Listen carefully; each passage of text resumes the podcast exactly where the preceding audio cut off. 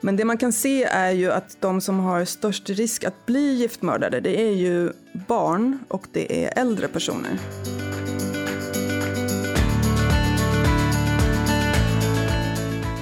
Opiater är väl de dödligaste som vi ser. Det är väl de som är de farligaste. Alltså morfin, heroin och släktingar till det, fentanyl. Och... Ja.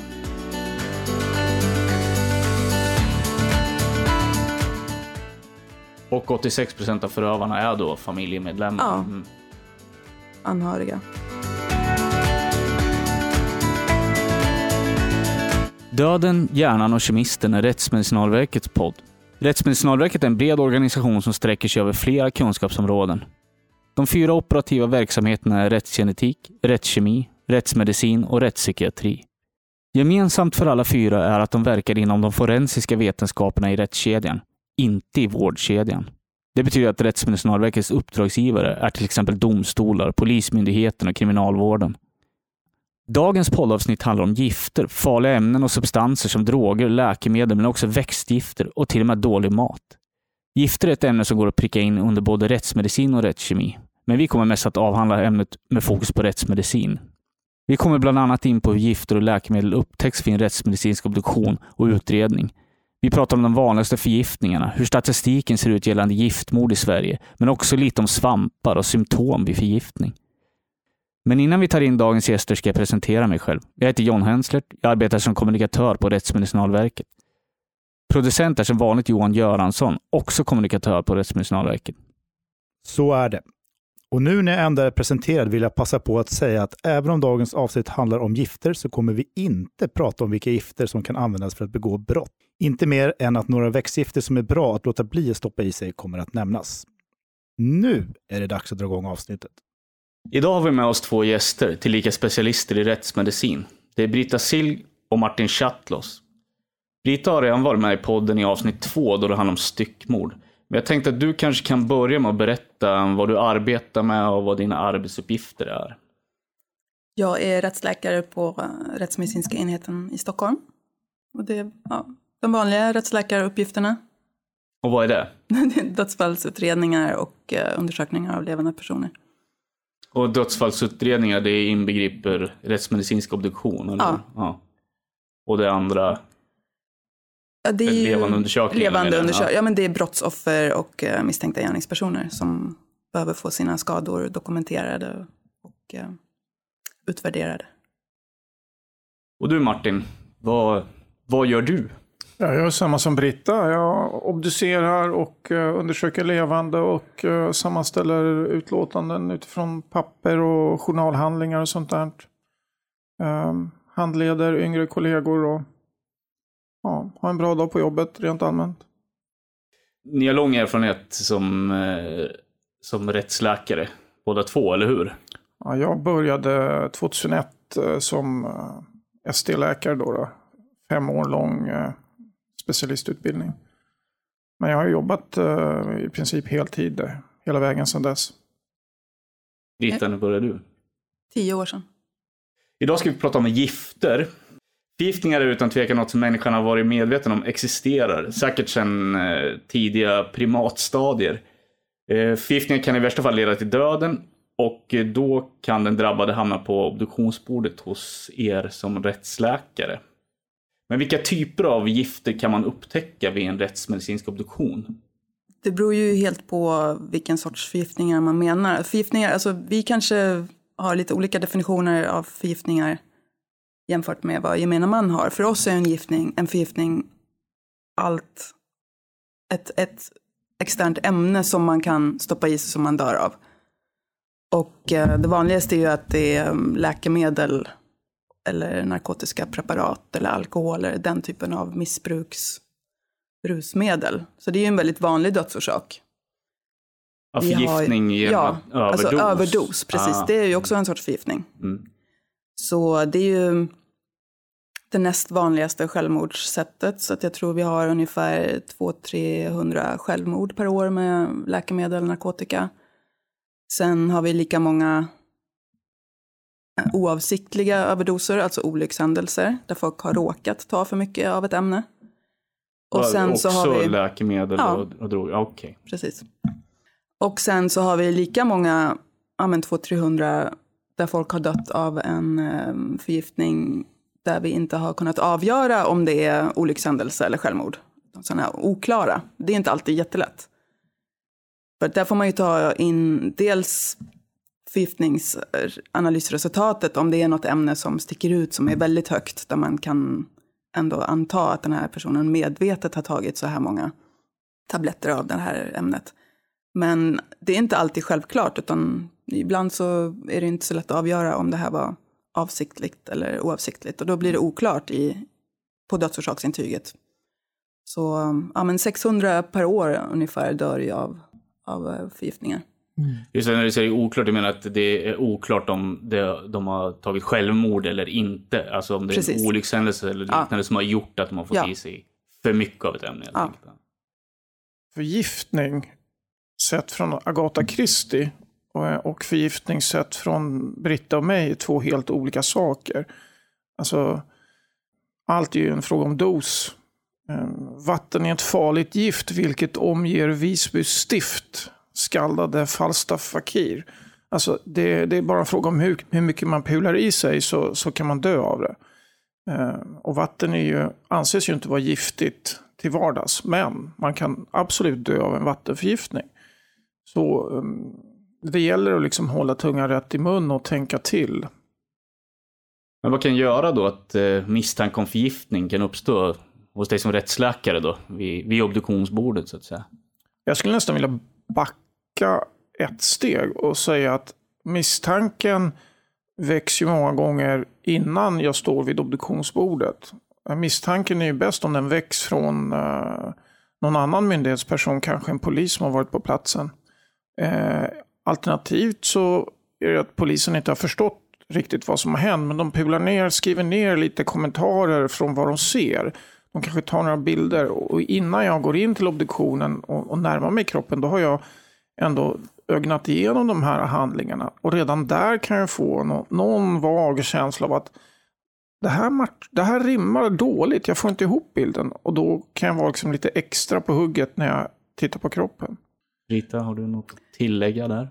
De förgiftningarna som vi nu pratar om med läkemedel, narkotiska, de är ju inte jättesvåra för oss att upptäcka i och med att vi gör ju en rutinscreening. Vi skickar ju in blod, urin och andra kroppsvätskor till rättskemiska avdelningen i Linköping och gör en väldigt grundlig analys av det. Så där dyker ju alla möjliga ämnen upp. Så då får vi ju svaret från dem två veckor senare. Här fanns det heroin eller här fanns det också Oxascand och i de och de halterna.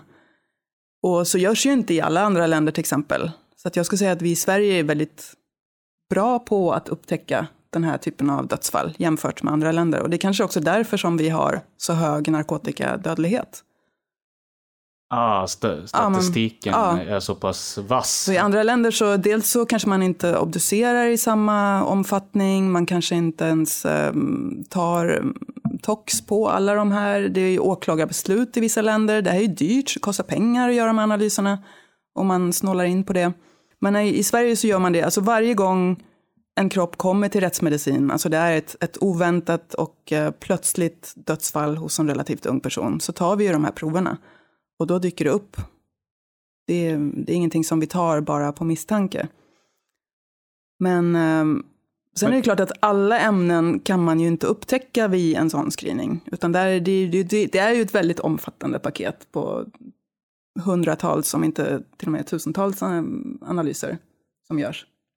Men eh, är det någonting jättekonstigt ovanligt som inte täcks av det här så är det ju svårare att upptäcka det. Och då gäller det ju att vid obduktionen kanske vara vaksam. Finns det något annat tecken på vissa gifter kanske lämnar en konstig lukt efter sig eller gör att pupillerna blir extra små eller extra stora eller mm, magsäcksslemhinnan kanske är helt uppfrätt om det är ett frätande ämne så att man får ju vara lite vaksam där förstås. Men sen finns det ju absolut gifter som inte lämnar några spår överhuvudtaget hos den döda kroppen och då, då blir det ju också svårt. Så att finns det ingen från polisens sida någon misstanke om att det här ska vara något någon har petat i sig något konstigt ämne eller blivit serverad av någon annan och um, vi inte, inte dyker upp i vår screening, då, då blir det ju svårare.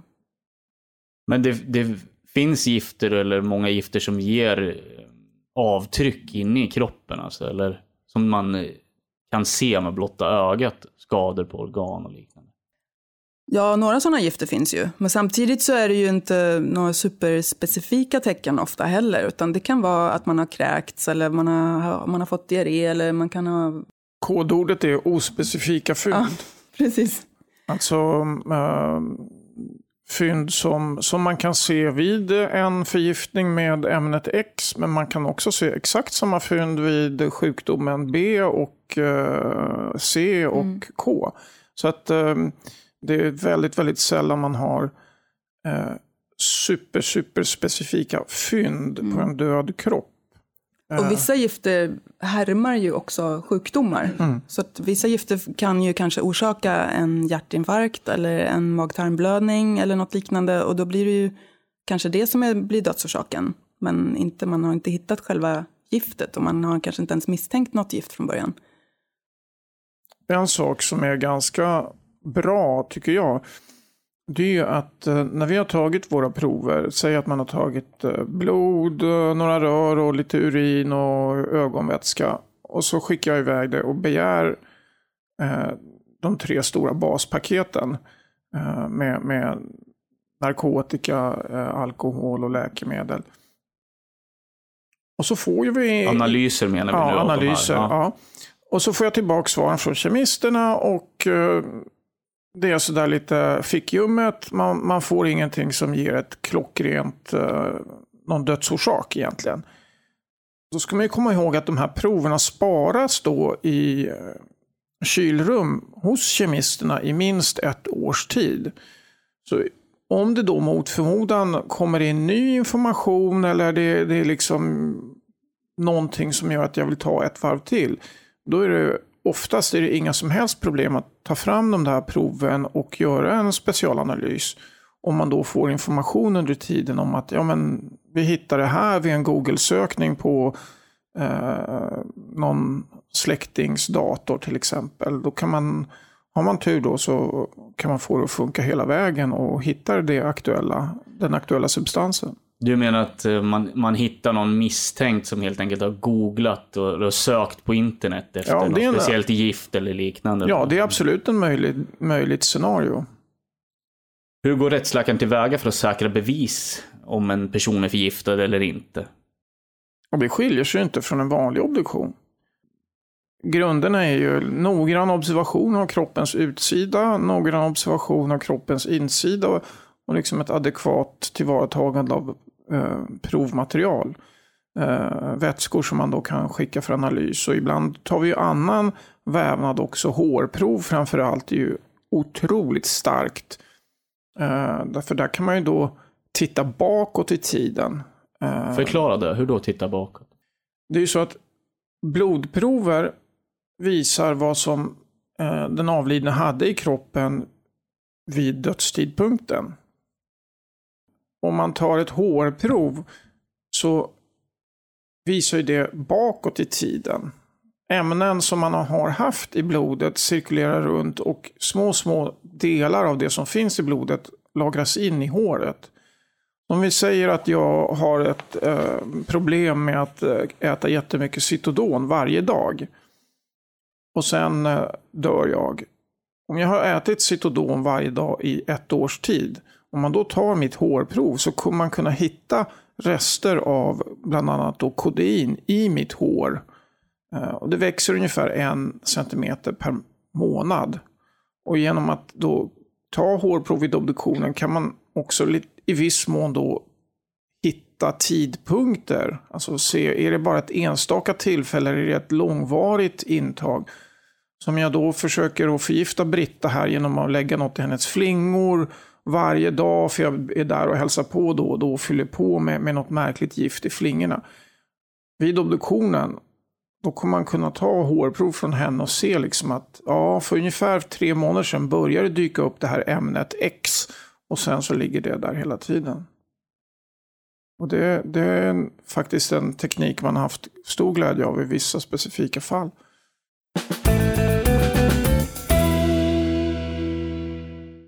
Vad är den vanligaste typen av förgiftning? Opiater är väl de Ja. dödligaste som vi ser.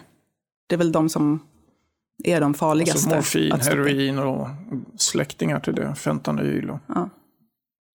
Men ett gemensamt kännedrag är väl ofta och att det är blandintoxer. Det är väl rätt sällan man hittar bara en substans. Bara heroin eller bara en bensodiazepin. Utan det är ju oftast fyra, fem, sex, sju olika ämnen. Att det är de som blandmissbrukar som är de som dör. Eller om det är ett allmänt kännetecken hos missbrukare. Kanske att man tar det man kommer över helt enkelt. Och man har olika ämnen för olika tillfällen. Vill man festa så tar man amfetamin och vill man sen varva ner lite så kanske man tar en bens. Att man, ja, hur visar sig så, ett sånt långvarigt missbruk inne i kroppen? Kan man se det på något vis? Eh, Jag skulle ju säga så här att missbruket, om vi nu lägger alkohol åt sidan, så är det så att intaget enligt mig av droger, vare sig om det är eh, alltså stimuler- centralstimulerande substanser eller ehm, Och vad är det då? ja, amfetamin och liknande. Alternativt då dämpande saker som morfinsläktingar eller ehm, bensodiazepiner, så här lugnande medel. Det är klart, det är inte nyttigt på något sätt. Men, eh, och det tror jag inte är ensam om att tycka att det är mer, det förefaller för oss mer sannolikt att det är livsstilen som är mycket mer tärande och skadlig än intaget av de här substanserna i sig. Hur menar du livsstilen? Ja, intravenöst missbruk ökar sannolikheten för att man får olika smittor, hepatit C och HIV. Du är tvungen att skaffa rätt mycket pengar för att köpa det här. Du lever vid sidan av samhället. Alltså, man kanske inte tenderar att gå till doktorn lika mycket. Man... Det är ett hårt liv. Det går att se ibland långvarigt missbruk in i kroppen direkt, alltså när man, vid obduktion. alltså inte lika mycket som vid alkohol. Det tycker jag inte. För, hur visar sig alkohol? Då? Ja, men då får du ju leverskador och vad får man mer? Ja, skrumplever, leverförfettning eh, och så. Det ser man med Ja. blotta ögat, alltså Ja. när man öppnar kroppen. Okej. Hur fastställer man en dödsorsak som drogöverdos? Då? Ja, man har fått sitt resultat från den toxikologiska undersökningen. Man har hittat de ämnen och i ehm, tillräckligt höga halter. Och man har ju ingen annan, man har ingen konkurrerande dödsorsak. Man har inte fått helt uppenbar hjärtinfarkt eller något annat sånt. Så det är som, som i alla dödsfall en sammanvägd bedömning av, av fynden. Det kan ju vara vettigt att och lite flagga för att i, i um på film och sådär så är ju allting så binärt. Det är antingen eller. Det här var dödsorsaken X och det där var dödsorsaken Y. Men eh, det är många gånger man verkligen sitter och funderar och väger för och emot. Och just som Britta är inne på, liksom avsaknad av andra konkurrerande eh, dödsorsaker. Det är väldigt sällan som man har en siffra Alltså jag tar ett blodprov på dig och så hittar vi en nivå på, på, på en eh, läk, ett läkemedel. Den är många gånger svårvärderad i absoluta termer. Jag måste veta, är du van att ta det här läkemedlet? Eh, vad har du för kroppsvikt? Vad har du för hälsotillstånd i övrigt? Vad, vilket kroppsläge anträffas du i? Allt det kommer påverka hur jag tittar på den här siffran. Så det, det, det är fnuligt och det är klurigt. Okej, Sen det- kan det ju vara en kombination av dödsorsaker också. Det är, inte, det är ganska vanligt att man till exempel har höga halter av något sömnmedel eller något lugnande och så lägger man sig i badkaret och så är man så pass påverkad att man glider ner under vattnet och inte vaknar av det där, att man då helt enkelt drunknar. Så då blir det lite hönan och ägget. Hade man med samma halt av läkemedel lagt sig i sängen istället så hade man ju överlevt. Men i och med att man la sig nu i badkaret så drunknade man. Å andra sidan om man inte hade tagit de här läkemedlen och tagit ett bad så hade man ju inte drunknat. Så det här blir ju en kombination av två dödsorsaker. Sådana saker, man hamnar i situationer som man inte skulle ha gjort om man inte hade tagit de här. Ofta är ju inte dödsorsaken kanske det svåra att hitta. Dödsorsaken är läkemedelsintox. Men sen dödssättet, alltså var det här en olyckshändelse, ett självmord eller till och med ett mord? Det är ju supersvårt att avgöra i många fall. Och jag tror inte många mm, läkare alltså, tänker på, okej, okay, det här, nu har vi hittat de här höga halterna av ett läkemedel. Och eh, att faktiskt tänka tanken att eh, någon annan har lagt det här läkemedlet i smyg i den här personens mat så att den egentligen har blivit mördad av det här. Det kan man ju inte se utifrån obduktionen alls, utan där är det igen egentligen väldigt tajt polisarbete som mm. krävs. Och om inte den misstanken finns från polisens sida heller så är det ju inte, ja men då blir ju det ett vanligt uh, överdos. Antingen oklart eller olyckshändelse eller till och med självmord. Så dödssättet, det kan helt enkelt inbegripa att någon har hjälpt till? Ja. Där finns det ju möjligheter för polisen eh, att vända på stenar och eh, fundera i termerna just kring som, som i deckare. Alltså vad, vad kan man tänka sig för motivbild? Uh, finns det någon som har vinning av att den här individen avlider? Uh, om det dyker upp någon, någon människa som då lite osar katt, uh, eh, då kan man ju gå vidare där och titta på vad som finns på elektroniska medier, göra en ekonomisk utredning, eh, alltså göra en noggrann undersökning av eh, liksom den socioekonomiska bakgrunden såväl hos eh, offer som hos den misstänkta gärningspersonen. Eh, Leta motiv helt enkelt. Ja, inte bara motiv. Motiv är en viktig sak, men, men då även andra spår som kan bekräfta eller förkasta en, en hypotes från polisens sida. Nu kom vi in på det, vi, vi skulle precis övergå till det. Från drogöverdoser till misstanke om mord. För vi har ju en rapport här som stöd för hela det här avsnittet kan man säga. Mm. Homicidal poisoning in Sweden, a review of cases from 1992 till 2019. Mm. Vilket på svenska helt enkelt betyder eh, giftmord i Sverige. Mm. Eh, en genomgång av alla fall från 92 till 2019. Mm. Alla bevisade fall. Mm, precis, det här är en student, läkarstudent som heter Simon Ström som har gjort det här arbetet på rättsmedicin för något år sedan. Och ja, just för att kartlägga lite, men hur, många, hur vanligt är det med giftmord och hur många giftmord har vi haft i Sverige och vad är det för vad är det för gifter och vad är det för typer som blir giftmördade och vad är det för typer som giftmördar och sådär. För de här fallen har eh, varit på Rättsmedicinalverket och obducerats här då? Ja, det måste de ha gjort. Mm. För det måste man ju också lägga till om man tänker lite siffror här nu, att om man säger att det dör 90-100 000 pers per år i Sverige så obduceras ju bara 5 000 av dem, alltså 5 procent ungefär på rättsmedicin. Ja, nu tror jag bara... faktiskt det är 5500 okay. de sista åren här nu. Ja, men 5,5 procent ja, mm. Och det är bara vi som tar de här proverna. Sen så obduceras kanske 5 000 på patologen, alltså på sjukhusen. De sysslar ju också med obduktionsverksamhet, men där tas det ju inga prover. Det ska man inte behöva Inga kemiska heller. prover. Nej. Om en person inte blir obducerad på rättsmedicin så går det ju inte att upptäcka det överhuvudtaget. Och sen har vi ju övriga 80 000 som inte blir obducerade överhuvudtaget, som bara begravs utan obduktion och utan provtagning.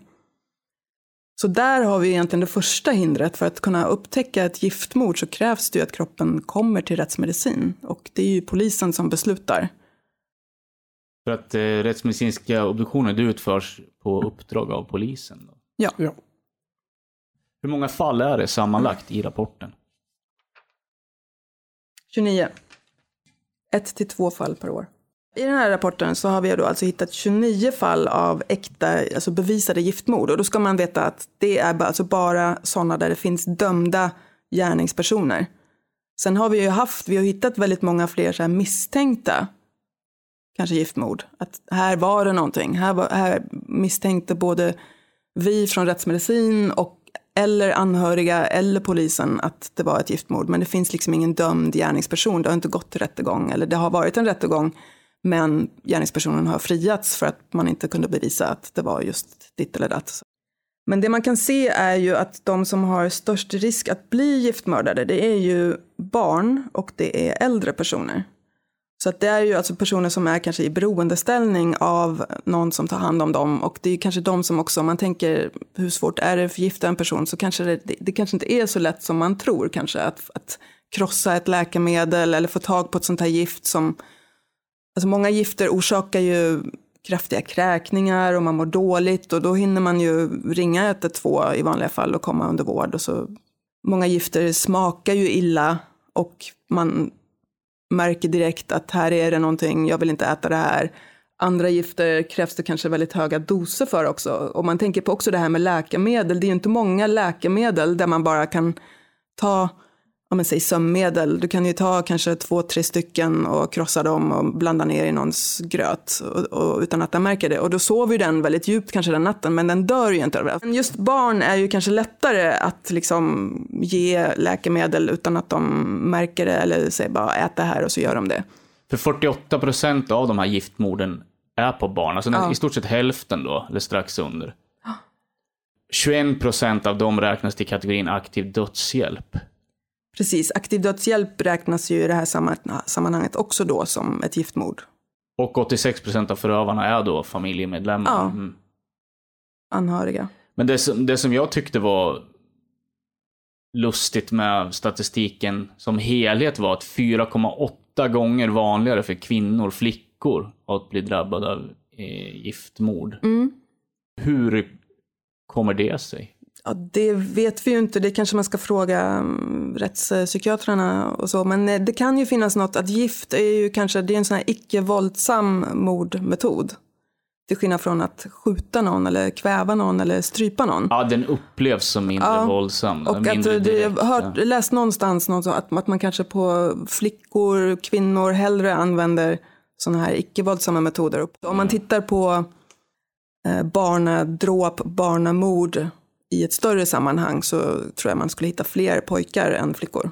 För de har också större risk att bli mördade. Vad är slutsatsen av den här rapporten?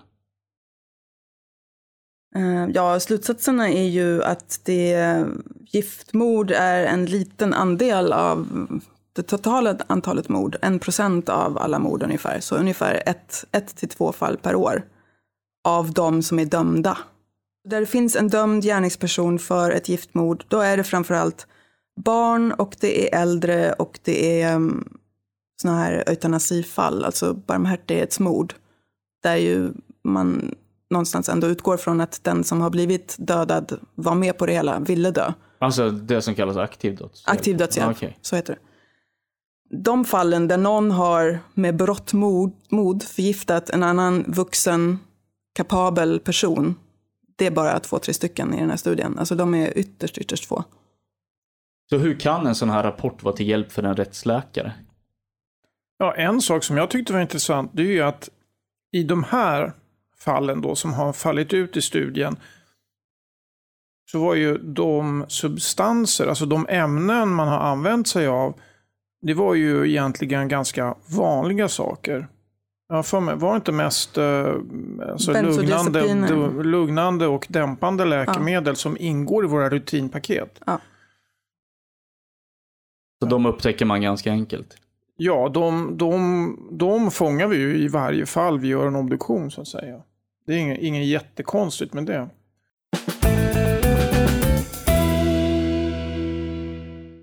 För ett tag sedan så läste jag en tidningsartikel där en grupp turister hade mm, fått i sig... De hade ätit en giftig svamp, jag vet faktiskt inte vilken det var, och fått sådana extrema reaktioner. Det var den ryska zombieattacken i skogen va? Precis, precis. Ja, de betedde sig som zombies då enligt den här tidningsartikeln. Och jag själv är lite skraj för att plocka svamp. Jag tar bara kantareller. Jag, jag får för mig att det är så många giftiga svampar. Men jag vet inte så mycket om att plocka svamp. Men kan, kan ni berätta lite grann om växtgifter? Och giftsvampar. Och hur, hur ehm, kan man upptäcka det vid obduktion? Och, hur drabbar det? Ja, alltså jag tror, jag kan säga så här att vare sig Britta eller jag är experter på, på växtgifter. Men Eh, man kan dela upp dem i egentligen två, två stora delar. De som då ger direkt effekt som de här eh, ja, som zombiemänniskorna då drabbades av. att Någonting händer och de blev påverkade mentalt, ungefär som de hade tagit LSD. Eh, det kanske inte är direkt livshotande ur förgiftningssynpunkt, men man kan ju hamna i väldigt eh, farliga situationer. Men när man pratar om svamp så är det ju många gånger en successiv process. Alltså det är inte att man knalldör, utan eh, det kan skada levern allvarligt. Och då är det ju en, en, en, process som tar några dagar tills man avlider av det. Så förhoppningsvis har man då några dagar på sig att söka vård. Man blir illamående, får ont i magen, eh, kanske kräks eh, och, och så. Men generellt, för det hade, jag hade också en läkarstudent som gjorde en, en likadan rapport som det här, fast bara på växtgifter. Och kontentan där var ju också att det har ju vi på rättskem och rättsmedicin svårt att eh, upptäcka. Vi har inga riktiga analysmetoder för svamp och växtgifter. Däremot så finns det ju växter som innehåller medel som, som man ju använder, alltså sådana här läkemedelsliknande substanser. Som belladonna är ju ett sånt där klassiskt liksom, giftigt giftig växt som man kan använda för att döda någon. Men det innehåller ju atropin och skopolamin som ju också är läkemedel. Så det skulle ju ändå fastna i vår screening. Jag vet inte vad belladonna är. Men belladonna det är en, väldigt, en växt vars bär är väldigt giftiga. Och så gör man, kan man göra ögondroppar av belladonna. Så droppar man det i mm. ögonen så får man lite större pupiller. Och då blir man lite extra snygg. Användes av grekiska Därav namnet belladonna. På back in the days. Ja. Aha. Smart grej. Och det är ju något som man kan köpa. Man kan köpa lite belladonna-frön, har man har sin belladonna-odling hemma. Och, sen... och de här bären ska tydligen vara väldigt saftiga och goda också, så att man kan absolut Oj, göra någon slags okay. sylt på dem och sådär. Men som sagt, det skulle ändå upptäckas vid vår screening om man kommer till rättsmedicin. Eh, vem skrev den här rapporten om växtgifter? Han heter Kristoffer Hahn, han var också läkarstudent. Men där vi hittade ju några fall i våra register. Det som vi har hittat det var väl något självmord med tidlösa, någon lök. Um, idegran hade vi hört talas om. Idegran är ju väldigt giftigt, men det är barren som är giftiga och inte bären. Och de växer ju överallt, men så att om man kokar ett te på idegrans barr, smakar ganska illa i och för sig, så är det ju väldigt dödligt. Och det var sådana dödsfall som undersöktes i, den rapporten om växtgift? Mm. Vad var slutsatsen i den rapporten? Svårt att upptäcka, extremt ovanligt, men det finns ju väldigt mycket giftiga växter och bär. Både i vår, det här var mycket fokus på svensk, det som växer i Sverige. Det är klart om man tittar över hela världen ja, så växer det ju ja. ännu mer giftiga saker i andra länder. Eller? Men som med belladonna till exempel, det är ju ingenting som kanske växer vilt i Sverige, men det är ganska lätt att odla. Och eh, vad är det mer, någon sån här riddarsporre som är väldigt giftig och det finns ju massor, ja, fingerblomma, liljekonvalj, allt möjligt giftigt finns ju där ute. Oj, den är ju så fin. Mm. Men det här, man tror ändå, det är ändå väldigt ovanligt. Vi kollade ju även då med giftinformationscentralen och sådär, vad som rings dit. Och det kan ju vara, alltså det här som man kanske ibland är rädd för, att barn ska gå och äta bär i skogen som ser goda ut men som är giftiga. Det, vi hittar inget sånt fall. Det tror jag är extremt ovanligt. Och det är klart att med svamp, det är ju några enstaka dödsfall här och där. Men de dör ju som, som Martin sa ofta på sjukhuset. För att det blir ju en njursvikt och det är sällan det blir så här man äter den och så dör man direkt. Vilka symptom upplever en person som är förgiftad? Det är helt beroende på vilken substans vi pratar om. Det kan ju vara allt från trötthet, dåsighet eh, till eh, muskelkramper eller epileptiska kramper eller ont i kroppen eller eh, man blir extremt orolig. Eh, plötslig andnöd. Eh, det väller upp eh, fradga eller skum ur halsen. Alltså, vad som helst i princip. Hur kan förgiftningar som drabbar genom olyckshändelse och misstag upptäckas under en obduktion? Alltså för oss är det, eh, olycksfall det är ju den här stora hopen som kommer varje år med missbrukare som som råkar ta för mycket läkemedel eller narkotika. Men olyckshändelse, om du menar att man av misstag har, Jag tänker nog på de här svamparna Ja. och växtgifterna. Nej. Och så. de är obefintliga. Men det är ingen skillnad. Alltså, vi, tanken är ju att vi, vi närmar oss i princip varje obduktion på samma sätt. Med eh, vaksam blick och, och liksom em, paranoida undertankar. Eh, och sen så får det bli som det blir. Eh, det är, man vet ju inte på förhand, som du säger här, ett olycksfall. Det är ju jag som ska hitta om det var ett olycksfall eller inte. Det är jag som ska fastställa dödsorsaken. Det vet jag inte på förhand. Så man går dit med, med liksom ett vitt blad och sen är det jag som fyller i vad som, vad som hände. Har det hänt att någon som har blivit matförgiftad har blivit föremål för en rättsmedicinsk obduktion? Alltså helt enkelt avlidit för att de har ätit någonting. Vad menar du med matförgiftade? Man har ätit skämd, dålig mat med bakterier? Mm. Det måste det ju ha Ja, varit. måste väl ha hänt, men jag kan inte påminna mig om något sånt fall. Jag tror det är ganska svårt att dö av en matförgiftning. Det är kanske en för korkad fråga. Vi får helt Nej, men stryka det är också en, en, vad betyder matförgiftning? I folkmun så är det ju många gånger allt från, från att man, man eh, det kan ju vara liksom en skämd räkmacka till att man samtidigt man åt en räkmacka fick någon eh, maginfluensa och sen eh, är jättedålig i tre, fyra dagars tid. Och det har vi i några fall ändå då och då där folk dör av rubbning i saltbalansen för att de har en, en väldigt allvarlig liksom, diarré och kräksjukdom. Men det blir ju lite så akademiskt. Mm. Vad är en, vem, vem bestämmer om det ska kallas för matförgiftning eller inte? Förklara, vad menar du? Ja, en maginfluensa. Om, om, du, om du har eh, nå- något virus eller bakterier som stör mag-tarmfunktionen så att det liksom, man förlorar eh, många liter vätska både neråt och uppåt från mag-tarmkanalen per dag. Men jag tror inte riktigt de hamnar hos oss. Om man nu tänker vilka är det som dör, ja men sen salmonella eller kalicivirus, vinterkräkssjuka och så. Det är ju oftast äldre och de kanske inte kommer till oss överhuvudtaget. Jag tror att vi ser dem ganska sällan. Är du en ung, frisk person så dör du ju inte av en sån. De senaste åren har vi läst och sett då i medierna om sådana här bisarra agentmord med, eh, via olika typer av förgiftningar med hjälp av radioaktiva ämnen. Hur drabbar det kroppen? Alltså du men, tänker ju på ärendet uh, Litvinenko bland annat.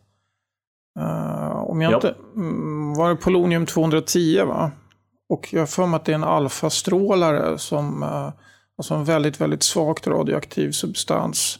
Så om man har den på händerna så spelar det ingen som helst roll för hudlagret skyddar. Men eh, Man förtär den? om man då äter det och det hamnar inuti kroppen så eh, orsakar det skada på de cellerna som ligger i direkt kontakt med de här eh, alfastrålarna. Ja, alltså där får jag nästan läsa på, men eh, alltså, grava mag-tarmstörningar, men sen vet jag inte om det sen även tas upp och går ut i blodet eh, via mag-tarmkanalen. Det är ju inte orimligt. Eh, det är ju en molekyl, alltså det är en atom. Eh, Så den borde ju rimligtvis även kunna komma in i blodbanan och sen pumpas runt vidare till eh, hela kroppen. Vet du? Nej, jag är också dålig på det här. Men det var väl också något, han dog ju inte direkt, utan Nej. han blev inlagd och tappade håret och dog en ganska, kanske plågsam, utdragen död av den här radioaktiva strålningen inne i kroppen. Fick väl strålskador. Men eh, de här två fallen då som har varit väldigt omskrivna med eh, Litvinenko och Skripal. Där skulle jag ändå vilja liksom just flagga för att om eh, de här personerna inte hade varit eh, alltså i sig självlysande som individer. Jag menar båda hade stark koppling till underrättelsetjänsten eller som oppositionella och så vidare. Och deras plötsliga insjuknande under märkliga omständigheter var ju eh, en självmarkerande händelse. Hade det här handlat om, om, om en helt vanlig person som av misstag får i sig eh, något av de här gifterna så är det ju klar risk att, att, att sånt missas. att antingen bedöms som sjukdomsfall som man inte närmare kan pinpointa, alternativt eh, plötslig död eller något. Så att eh, det är bakgrunden som, som alltid är extremt viktig för att lösa gåtan.